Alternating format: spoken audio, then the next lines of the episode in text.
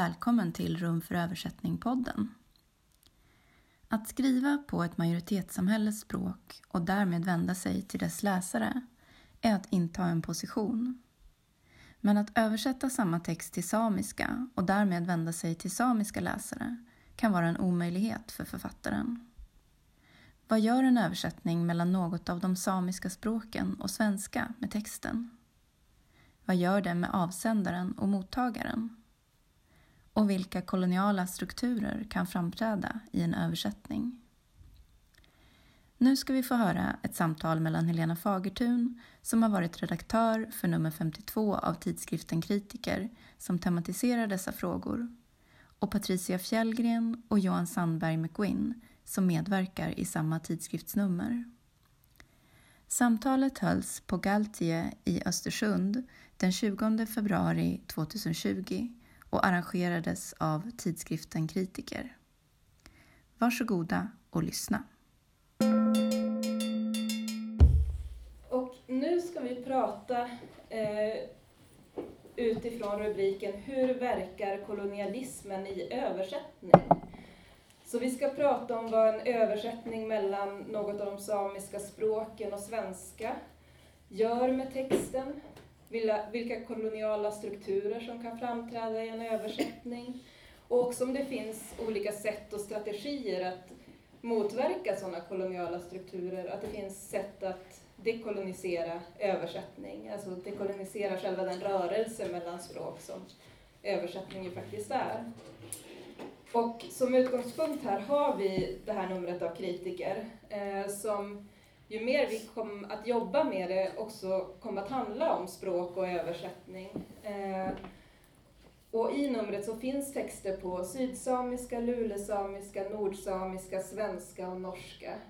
Och så finns det också texter översatta från engelska och spanska till svenska. Så det är ganska många språk i omlopp i numret. Och vi funderade väldigt mycket på frågor kring, kring ja, språk och översättning när vi jobbade med det, men det var också någonting som ändå när vi, när vi var klara så fanns det väldigt mycket funderingar kvar och hur man hade kunnat göra på ett annat sätt och så vidare. Och därför är jag väldigt glad över att få prata med er två experter på området. Patricia Fjällgren och Johan Sammer McKinney. Och Johan, du är född i Umeå och bor nu efter år i Tyskland, England och Skottland. I Lycksele, där du arbetar som översättare, poet och lärare i engelska, sydsamiska och tyska. Eh, du är också en del av det europeiska poesinätverket Versopolis eh, och du är sedan våren 2019 ordförande för den samiska författarföreningen BAGO som bland annat då driver Challegoate. Patricia Fjällgren, född i Stockholm, bosatt här i Östersund. Eller? Eller. Ja.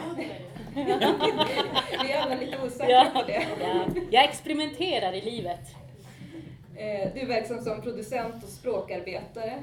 Har senast eh, jobbat med språkcirkus. Eh, och i kritikernumret så medverkar du med en text som heter Vibrerar som orden i djupet. Och jag tänker att vi gör likadant som i förra samtalet, att vi börjar med att du läser den på svenska första gången. Och då behöver jag din. Då behöver du Ja, för jag har inte...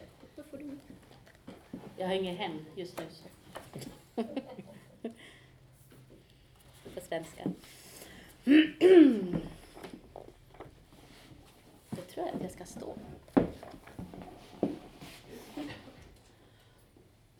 Och mitt första ord sa jag på nordsamiska.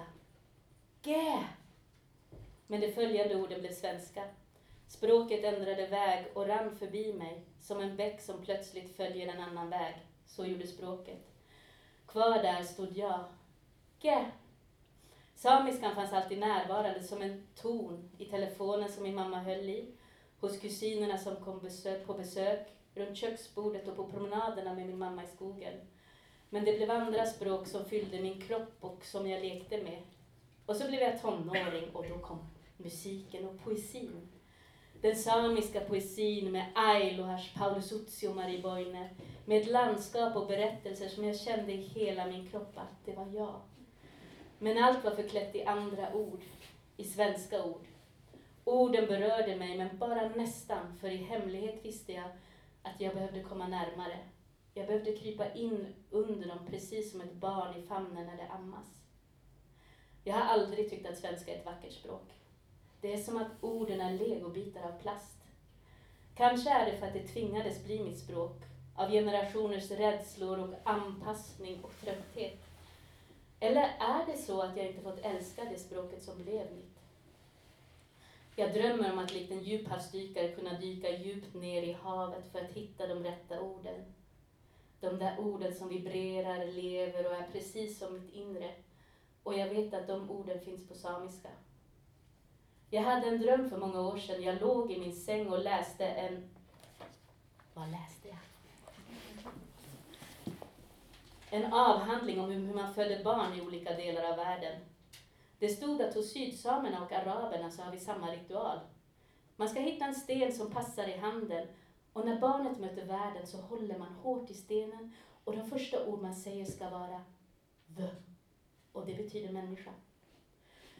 Men kanske är jag inte en djuphavsdykare. Kanske är jag en sån som simmar bland korallreven där det finns en massa olika koraller och där det inte är så djupt och jag kanske får fånga in de ytliga orden istället. De som inte vibrerar som orden i djupet.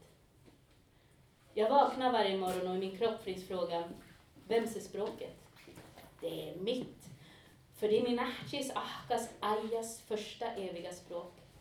Stolta säger vi till varandra att det här är mitt språk.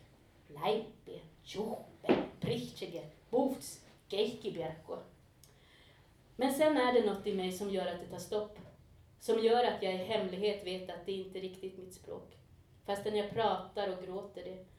Det är som när man gräver i jord och allra längst ner når man alltid sten. Det tar stopp.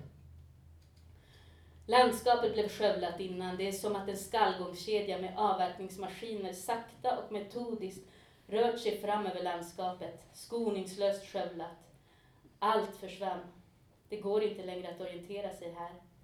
Minnena har inte längre något att fästa sig vid för människorna förändrades, som om vi lobotomerades. Språket försvann och våra inre kartor ritades om. Har du också sett det? I ögonen, den där sekunden av frånvaro. I männen, den där tystnaden. I kvinnorna, den stelnade styrkan. I barnen, längtan. Ibland undrar jag vad som är verkligt. För ibland har jag svårt att möta er, ni som har fått vara barn på ert språk. Ni som minns barnböckerna, ni som vet hur man sjunger en snapsvisa. Ni som pratar högt i skogen. För jag saknar det som jag tror ni har. Men sen kanske jag är för känslig. Är jag för känslig? Vissa hamnade under avverkningsmaskinerna, andra flydde långt bort. Och det här med att plantera ny skog på ett kalhygge, det är sånt som tar tid och det blir aldrig samma skog. Är jag för känslig? Vi står bredvid varandra på rad, jag och de i min släkt som ännu andas. Nu står vi här vid kanten av det söndertrasade landskapet. Det här är ett experiment. För hur ska jag annars hitta hem? Vi tar varandras händer och vänder blicken inåt. Följer stigen i markens minne. Så att jag när de är borta kan hitta igen stigen själv. För vi har inga ritade kartor. Vi börjar gå, fortfarande hand i hand fram över den söndertrasade marken. Mir kjøttstibje, gi møytebe,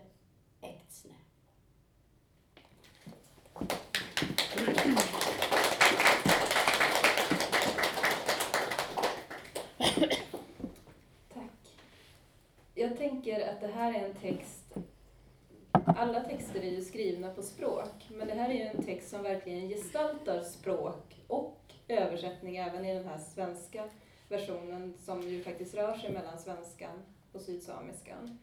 Eh, och, jag, och sen så skriver den ju fram inte bara de språken utan den skriver ju också fram det här språket ur drömmen. Eh, det här det, eh, där det nästan finns ett urord på något sätt. Och jag undrar, när du fick frågan från oss om att skriva för det här numret så frågade vi väldigt brett, bara utifrån det tema som numret kommer ha, som är frihet. Vad var det som gjorde att du landade i att skriva om språk utifrån den frågan och det temat? Nej, men jag, jag började att tänka på frihet och så blev jag lite... Jag började, tänkte att jag inte vet vad frihet är. Att, att det var, ja, det blev lite läskigt.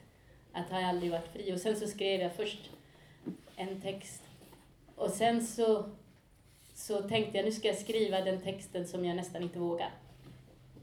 Och som inte, jag visste inte om att, men att, att jag ville liksom in och, och, och också eh, in och, och också vara modig och blotta eh, mitt inre. Mm. Och vad var det i den här texten som var svårt att skriva? Um, nej, men jag hade ingen censur alls. Mm. Ingen, jag brydde mig inte om någonting. Jag bara, bara gick in i, i jag dök i, ner i djupet. Och, och, när jag gjorde det, då var det inte svårt. Nej. Och jag tänker Johan, du har ju också läst den här texten mm. tidigare och nu också hört den. Och jag undrar om du, du har ju, precis som Patricia, kan många språk och har språk som säkert fungerar på olika sätt i ditt liv. Känner du igen det här som Patricia beskriver om just att språken har olika känsla?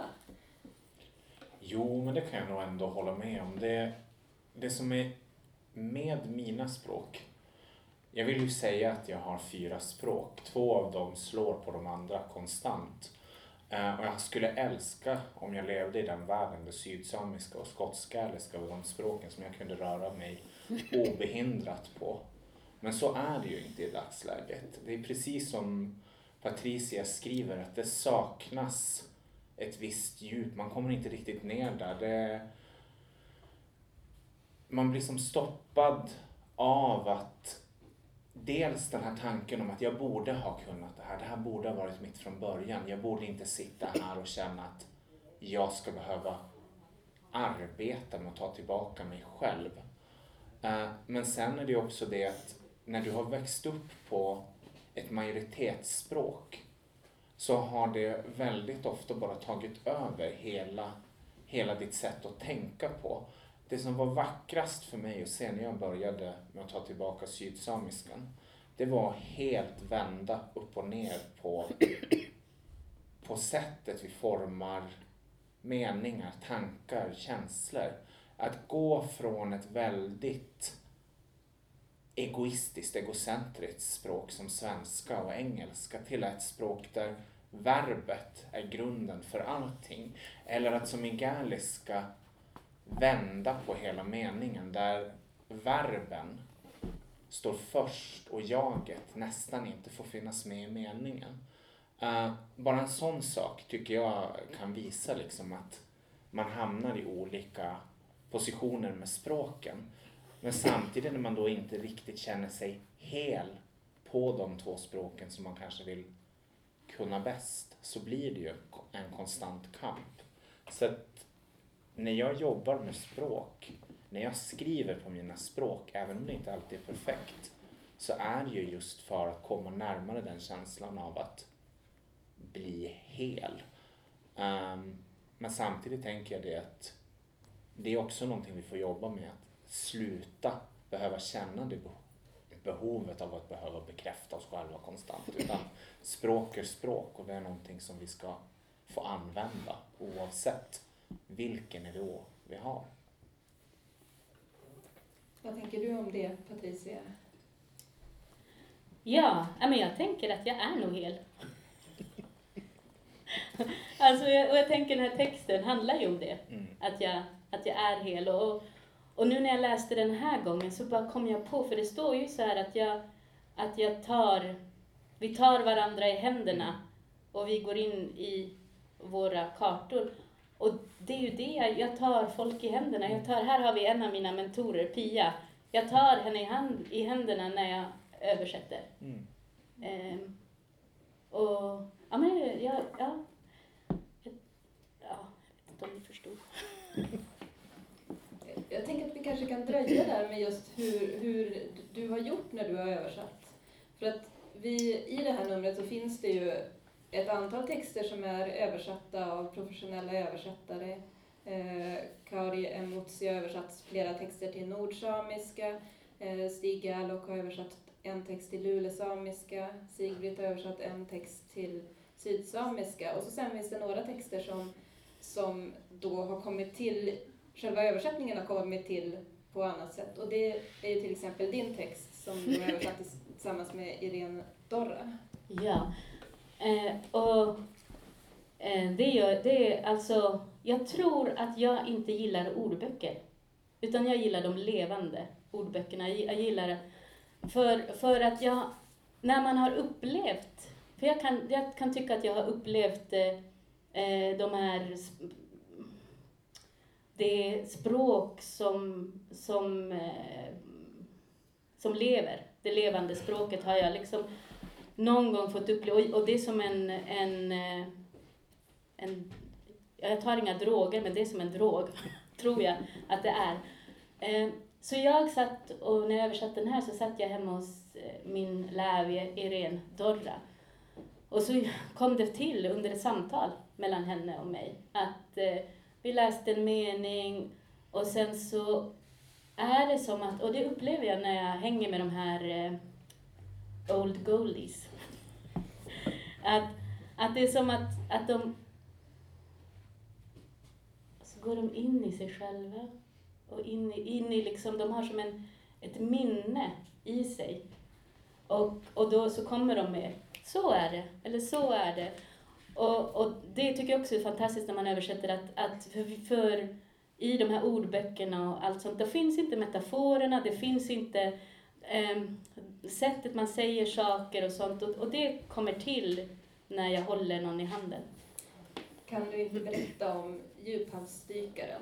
För jag tänker att du hade aldrig kunnat slå upp djuphavsdykare i en ordbok i sydsamiska. I alla fall inte att komma ut med den översättning som ni landade i. Nej, men och då så satt vi där och så kom vi till den här djuphavsdykaren och jag bara, åh det här kommer inte gå.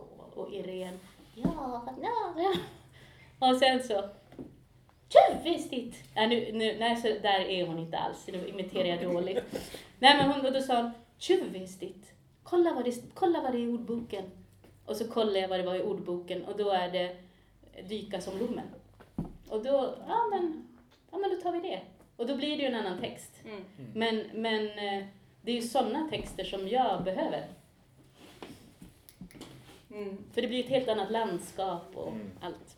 Ja, det är också någonting med att du också förflyttar, som du var inne på, med verben. Mm. Alltså, det går från en ganska statisk figur till att helt plötsligt är det en rörelse med i det. Mm. På ett helt annat sätt än i dykaren. Mm. Jag undrar om du skulle vilja läsa på sydsamiska också? Ja, då behöver jag den där. Då får du den igen. Nu sitter jag för att min hand skakade så mycket när jag höll den.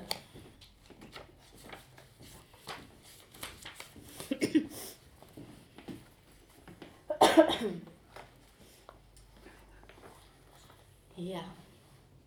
Ja man vusts paakkumam jehtim lei nuortsaamen kielesne. Gä. Tää nyppiä paakkuma pöhtin taaru kielesne shittin. Kiele, kiele jetsä käinon kauni, jimannesta haippani. Ko kaltiemi orre käinon kauni. Nymtti kiele shitti. Tess nimanne tjotjuim. Gä. Saamien kiele mu vaimusne ko tjuaje koulasi. Telefonamam chichisteeri. Aikak mahlimien lyvni talvin jistuohkedin. Jikusse munnu chichin skuojesne väätsiimen. Jeetsa kielmynjen pyöttin jimeikyimi manne stuohkedin.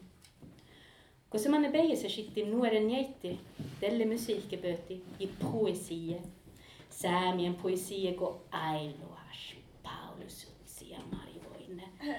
Kun se manne teitti sit ja luhkim, tälle vaimus ne tomttu tahtele manne.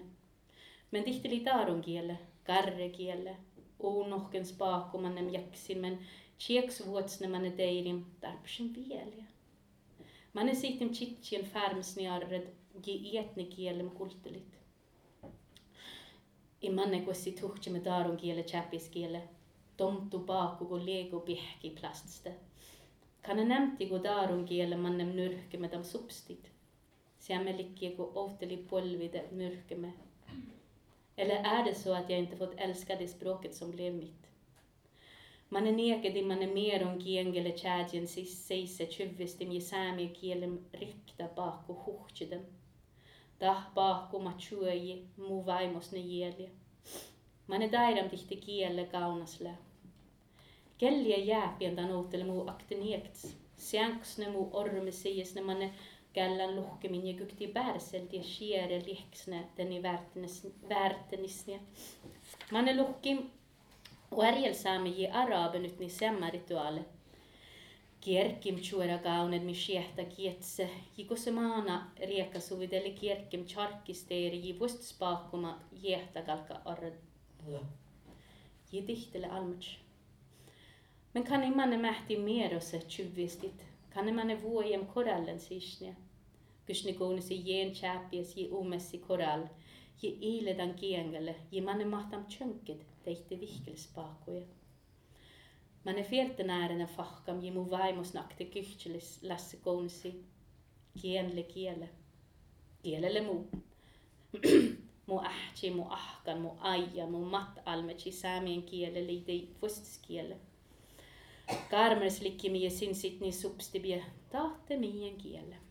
läipie tjuhve prihtsige buvts kelki peaku. mu vaimusta tomtu, kun mia akt mannem tuistada. Mia tsieks vuotsne mi jätä eile taate tuu kiele. Ja alts manne substem ji tsiero mu kielen mietiä. Tomtu, kun juotsne krohkem ji krohkem ji völmes pare kjerki kaunum. Pare kjerki. lääntemyrkkymme, store maskiiniraidos kojen jamkelamme, shettoide jihingside muote tahtamme.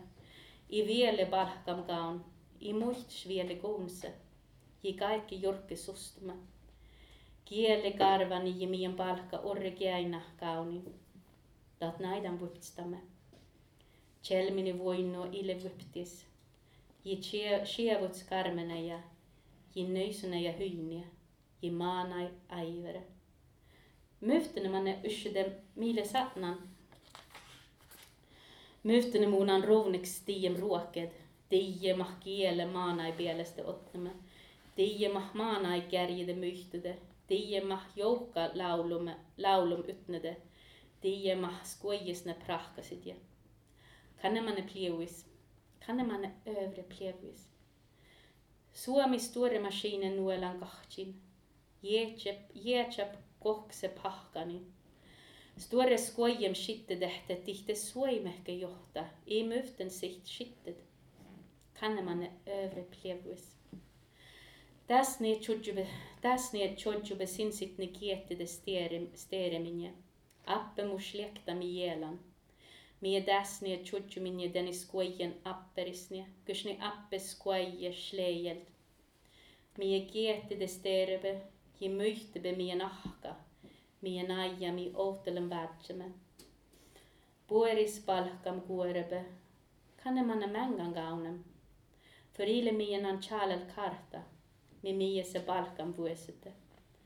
Mie ikt skiet sterebe, i sleijel skoje tjuahpan tuorest, suoime likje värtsebe. Je mie myhtebe ofte tiem, kosi skoje liku suofa. Mie tjötstibje je myhtebe ektsne.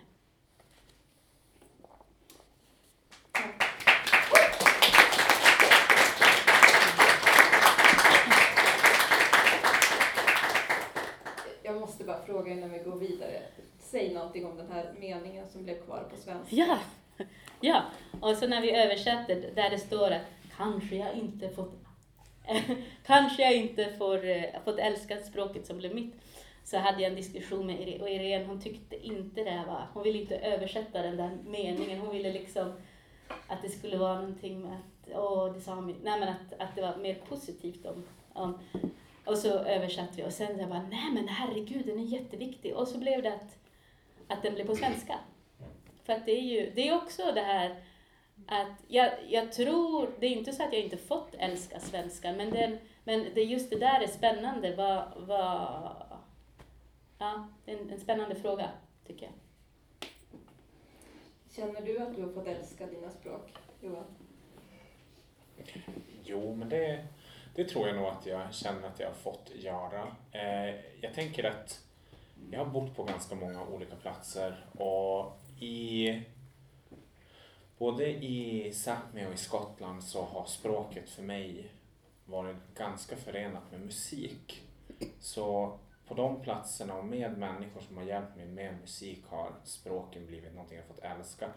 Och i början så tyckte jag att det var jättesvårt att skriva på svenska. Jag tyckte att svenska var ett sånt här språk som det fungerade inte. Jag skrev mycket hellre på engelska, jag uttryckte mig på engelska. Och sen började jag fråga varför var det så att, ja men engelska, det, det, om jag skulle numrera dem, då blir det engelska och sen kommer samiska när jag är i Sápmi och galiska när jag är i Skottland. Men när jag är här, då är gäliskan jättelångt ner för då använder jag den inte och vice versa. Men svenskan kommer alltid där sist. Så började jag tänka, är det så att svenska är ett sånt språk som jag egentligen inte tycker om? Och det stämmer ju inte heller.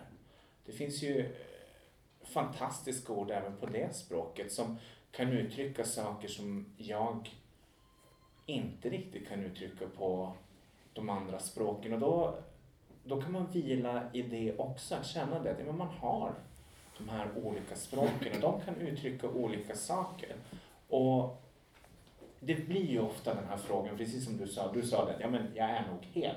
Men det är väl självklart vi är hela för att bara för att man förväntas kunna säga att jo men jag tänker lite annorlunda på samiska. Jo, rent tekniskt kanske jag tänker annorlunda, men jag är ju samma person. Så egentligen så känner jag det bara mer som att man har mer nycklar för att låsa upp samtal, mer möjligheter att kunna uttrycka sig på. Och det är spännande att kunna vandra fram och tillbaka mellan språken och se var finns likheterna, var finns skillnaderna? Vad är de här orden som på något sätt har samma grundton trots att de kommer från helt skilda språk?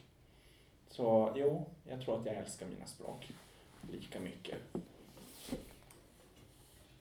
Och när det, alltså jag tänker att man kan ju, du pratar om att vandra liksom mellan Mm. språken och jag tänker att översättning är ju då ett sätt att kanske vandra mellan text till exempel. Och förutom din text så finns det en annan text som också har, där översättning har tillkommit i det här numret, där översättning också har sett lite speciell ut. Och det, det är Anne Wolabs text. Som jag tror att hon började skriva på nordsamiska men sen bytte till norska och skickade in den norska versionen till oss. Mm. Och så sen när vi hade, då arbetade vi med den redaktionellt ett tag och så sen så, så när den skulle översättas så insåg hon att nej men, den går inte längre riktigt att översätta till nordsamiska. Men hon tog hjälp av sin syster tror jag, Mm. Elna Sara. Eh, och det är, det är också en text som är lite annorlunda på samiska. Mm. Kan ni säga någonting om vad ni tänker det är i den texten till exempel som, som där språken liksom gör, och världarna kanske, landskapen, gör att texten blir annorlunda på de olika språken? Mm. Eh, texten som Anne skrev, som Anne Warlap skrev, den skrev hon ju efter en resa till Berlin Eh, i ett projekt som vi kallade Birra Birra Jarkalit. Snurra, snurra runt, översätta oss själva. Eh, vi upptäckte att områdena vi kom ifrån hade haft väldigt många samer som hade rest till Berlin, inte för att de ville åka på semester, utan för att de var utställningsobjekt. Eh, och vår tanke var att vi skulle försöka hitta de berättelserna. Vilka var det som hade åkt med den och bara hittat, ja men det här råkar vara personer som, som någon kanske kände. Och så hittade jag, när jag satt och letade i arkiven, så hittade jag en bild på en person som hade Anne Warlaps släktnamn och jag började inse det att men det här kan nog vara din släkting. Så jag ringde till henne och sa, du vi ska ju åka till Berlin, kan det här vara din... Och sen så då började vi nysta ut vem det här var. Eh, när vi kom till Berlin så tog vi på oss den uppgiften att ta oss tillbaka till den park där de hade varit utställda som, ja egentligen som djur på zoo. Men Berlin hade tagit bort hela platsen för att när Hitler tog makten då hade han bestämt sig för att den här parken den var för dekadent. Så att det fanns inte ett minne kvar av det här mer än sjön där man hade badat och där renarna hade druckit vatten. På den platsen så började hon skriva på, på den här eh, texten och hon hade med sig ett vävt bälte som också hennes eh, anmoders eh, familj hade haft på sig och det bar hon där i Berlin. Så texten kommer till där. Eh, och när man då läser den på nordsamiska och när man läser den på svenska. Min nordsamiska är ju bättre i texten vad den är i pratar prata så att jag kan ändå hänga med i den nordsamiska. Men det man märker, som i alla fall jag märker, är det att den norska texten den haltar för att den måste förklara så mycket. Den måste berätta att här var samer utställda, här fanns ett behov av... Man måste förklara den rasbiologiska historien som redan finns där som ett kollektivt medvetande hos samer. Och den upplevde jag fanns ju inte i den samiska texten. Så det är samma text men de blir ändå helt annorlunda. Vad tänker du? För du har ju också läst den. Ja, jag tänker på, på andra saker. Mm.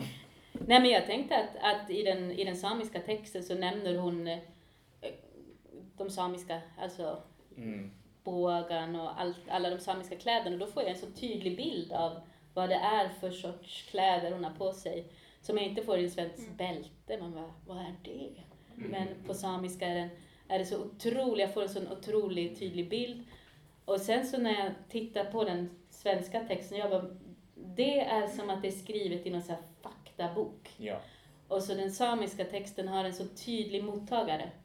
Och att, att jag kan liksom, och mottagare är också mig för att det är skrivet på samiska. Så det blir så en enorm, jag blir som släkt med hennes eh, eh, Matarahko eller något. Så det, det, det är det. Hur tänker du på mottagaren när du skriver? Som den här texten till exempel. Vems, vem, vem All, alltså, när man översätter till sydsamiska så känner man nästan alla som läser det. så, eh, så är det. Och, och jag, jag hänger ju med, med eh, genier. Och igår så träff, satt jag med, med Pia och då sa Pia så fint till mig. Hon sa så här, hon bara, Hörru du, när du översätter, då ska du, det, ska liksom, det är som att du pratar med en äldre same. En äldre släkting som du sitter och pratar med. Ja, och jag tänker att det, det bär jag med mig. Vad gäller mottagare så, så tänker jag på ett annat projekt och just om vi pratar, vi har ju knappt nämnt de orden kring liksom dekoloniserad, men jag tänker att det här är ett par strategier på hur man liksom kan jobba med översättning på, på ett dekoloniserande sätt. Men jag tänker på ditt pågående projekt på Facebook som jag tycker är helt fantastiskt med en dikt översätts per dag. Ja. Kan du berätta lite grann om vad, var det här kom ifrån? Eh, var kom det ifrån? Eh, rent krasst, det är mental hälsa. Det är inte så att vi behöver, behöver låtsas som att alla alltid mår bra. För mig så kände jag att jag behövde göra någonting annat. Det fanns nog med andra människor som skrev om allting förskräckligt som händer i världen. Så min strategi blev det att jag började läsa dikter och jag valde att jag skulle bara läsa dikter skrivna av eh, Eh, personer som antingen tillhörde en minoritet, ett urfolk eller var HBTQ. Eh, det var liksom nummer ett. Och sen så tänkte jag det, nu ska jag översätta dem. Och ibland så är dikterna skrivna på engelska, ibland så är de skrivna på samiska, ibland på gaeliska, på maori. Och vilket språk så jag valde som översättningsspråk berodde egentligen mest på vad jag tänkte när jag vaknade där på morgonen och sa, ah, men okej, idag blir det det här språket. Så igår till exempel så kom det ut ett nytt album skrivet av eh, två stycken galliska musiker som heter Brianna Hera och Fiona McKenzie eller Fiona Nick Nikanach. Uh, och det, det heter Toa som betyder från nord. De har jobbat med då, eh, sånger som kommer från liksom, både Sápmi, Sverige, Norge, Skottland. Ehm, och så valde jag en av de dikterna och då var det så naturligt att den där, den handlade om norrsken. Då var det naturligt att man kunde översätta det till samiska. Ehm, och lite så har det blivit. Det har liksom inte funnits någon tanke att oh, jag måste översätta den här till svenska eller den här till samiska. Det har blivit det som har passat där och då. Ehm, och ibland så har det varit det att översättning är ett så väldigt... Det är ett fackligt ord. Jag tänker ibland det att jag tycker bättre om norskans gendiktning. Jag tycker det är ett mycket vackrare ord för att berätta vad det är man gör. För jag tror inte att jag tror inte på, på det att översätta någonting ord för ord, för du förlorar precis allting. Det är det som blir så vackert. När jag tänker på de äldre som jag har pratat med när jag började ta tillbaka sydsamiskan, eh, som jag bär med mig, mitt mantra är det, behöver du så många substantiv? Vad är verbet? Behöver du så många substantiv? Vad är verbet? Och det är det jag hör hela tiden. Uh, och det var aldrig liksom, hon som, hon som, hon finns tyvärr inte längre, hon som jag pratade mycket med, uh, Fjällström. Uh, men hon sa ju aldrig det för att liksom på något sätt säga, nej men det här är fel. Så jag har aldrig fått höra, nej men det här är fel, utan det har alltid varit precis som du fick höra så fint av, av Pia, liksom. tänk att du pratar med någon äldre. Lite samma känsla har jag fått av, av de samtalen som vi hade. Det att, ja men hur skulle det här vara om du satte dig in i, i liksom deras sätt att tänka på. Um, men så har det blivit liksom med de här äh, översättningarna. Att jag har försökt gendikta istället för att bara översätta platt. Skulle du kunna läsa ett par av de dikterna kanske? Ja, jag skulle kunna göra det. Men då ska jag vara så här, jag har ingen bok med mig nu så nu blir det liksom att gå in på Facebook så det här känns jätteprofessionellt. Men så här ser ju världen ut idag. Jag tror vi alla har telefonen med oss jämt så att varför inte? Eh, då tar vi den som heter, jag läser den först på galiska, den heter Nafirchlis. Firchis betyder norrsken, men det betyder också de som dansar, de som målar färger på himlen, de smarta, de intelligenta förfäderna. Det finns väldigt många översättningar, men så här går den. Stativ is eistig og vere van oing i go i hen, rachel le shigen fjall, fasklever solen gemal. Bygjes stu och tjin god lo, Beanta na suathag na néal, glas sa slí a dans go háist, i leonnach mo chrí le gra. A lorig an ná le bhíon na spéan ar lasa go chuin na gréin, anseo inis léon héin, daon an túin an tail. Ó sa hále lampasúd samasca. Wasach. Tuat se le. varasjäävad ja koltima paedatnud solkadit, liakastit, vaatsi ja raavasna, slokni nõnda, rõhvas tšalmi ja söimies laakon, viskas klääri ja tšäps klääri näktsna laula, vaari ja e pallava tšööviesti. tehti krääna ja e kräävi ja salmi ja toimusa, kiaras vuotena vaimume teava Kirvana mana ulmiam ja vainob utsudamine. Älmiä kuoksaka, päivien vaaroin nyöläsna. Tasnia, jälts mon oktagums, läikkan mon vaktsna. Meja allmänt mana nuortaliska. Och då blev det på svenska norrskenet. Stå där, lyssna vilandes i tystnaden Tillåt dig själv att varva ned, att vila. Låt dina steg andas fred, fria från lögner och öppna sakta dina ögon. Gula flammor väver samman svartheten, fjällen kysser molnen. Himladansen färgas blågrön och grå och mitt hjärta fylls av kärlek.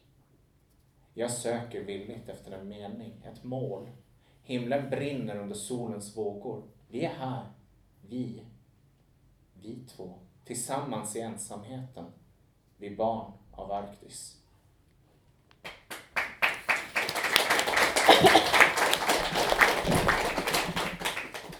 Vi ska börja avrunda, men jag tänkte höra om det är någon i publiken som vill säga någonting eller fråga någonting. Ja? Ja, nej, jag tänkte på det som när ni pratar kring språk och att inte fatta så lite av en. Eh, jag pratar ju inte flytande lulesamiska, men av allt det som jag har lärt mig har det gett mig djupare konsumtion med, med min äldre. Och att då vara uppväxt med, med så pass mycket svenska och så pass mycket engelska så tycker jag nog ibland att jag kan sakna ett språk på samma sätt som att jag kan sakna en vän. För att Mm. jag inte, jag är inte halv eller trasig utan det, men olika personer tar fram olika delar av mig. Och att, att sakna ett språk som jag inte helt behärskar blir som att sakna en vän som jag håller på att lära känna. Är det, är det någon tanke då när ni, när ni översätter ni inte bara lär känna en till del av er själva i dikten? För att jag själv som skriver poesi vet ju också om att för mig så är ju nästan varje dikt som, som någon typ av förlösande dagboksinlägg nästan. Att då översätta en så pass personlig del av sig själv kopplat till en ännu mer personlig del av sig själv. Vad gör det med, med er och med poesin i den processen, tänker jag? Ifall man inte ska tänka att, att en är halv, utan bara just vilka delar hittar i de olika språken. Får du börja, tänker jag. Eh, Bred, djup fråga. ja, men jag, jag är ingen snabbtänkare så du kan... Ja, det, eh, nej, men...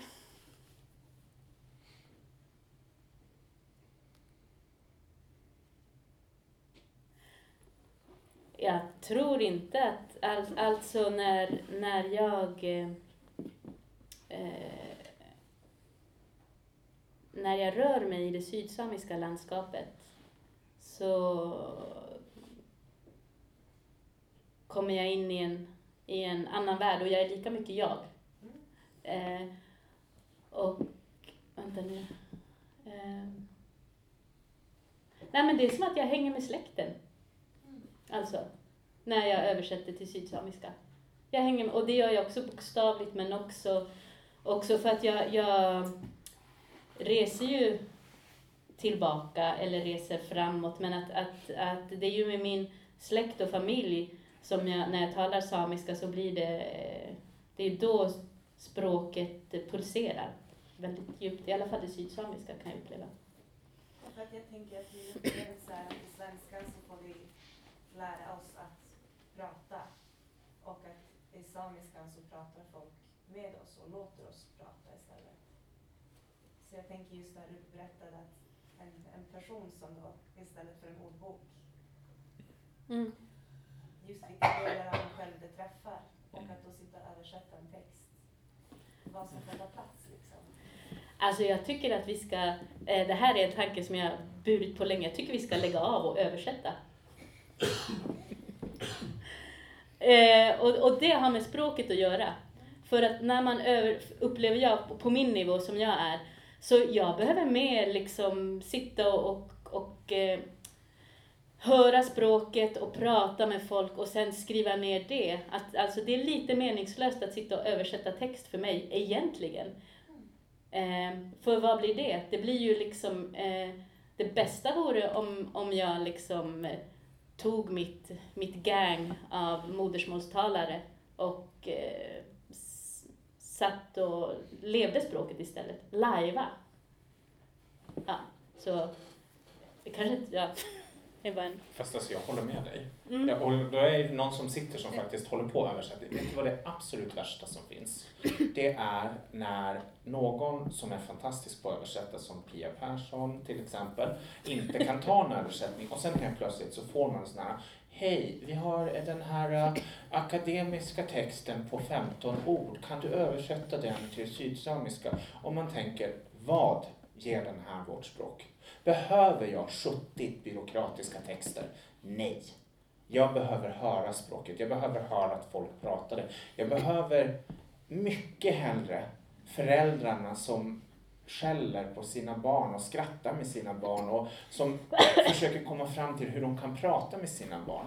Jag behöver höra hur man skämtar på samiska. Jag behöver inte höra all den översättning som nu betalas av staten för byråkrati. Så att där har jag också blivit så att så fort någon försöker skicka sånt till mig så säger jag nej, jag har inte den kompetensen, jag vill inte, jag vägrar. Eh, men problemet är att det finns så få översättare. Och det som har blivit problemet, tror jag, mycket med översättning nu, det är det att när vi har våra förvaltningskommuner så tolkar de behovet av språk.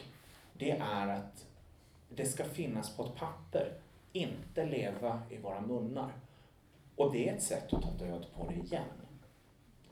Om alla de som bär språket sitter och översätter lagboken till samiska så är det fantastiskt om tio år när den är klar. Men vem ska läsa den? För de som skulle kunna läsa den nu, de har inte fått prata med de som sitter och översätter så de har förlorat den möjligheten att utveckla sitt språk. Så att jag kan också hålla med om det. Vi ska sluta översätta. Vi ska däremot hellre få jobba med att skapa, nyskapa texter. Att få jobba på våra språk, att kunna jobba mellan dem, att kunna få barn, vuxna att skriva. Det, det är mycket viktigare. Och sen, absolut viktigast, att få dem att ta steget från pennan, lämna ifrån sig den, låta de orden som har varit på pappret flyta upp genom armen och ut genom munnen. Det är det viktigaste. Jag tänker att vi stannar där.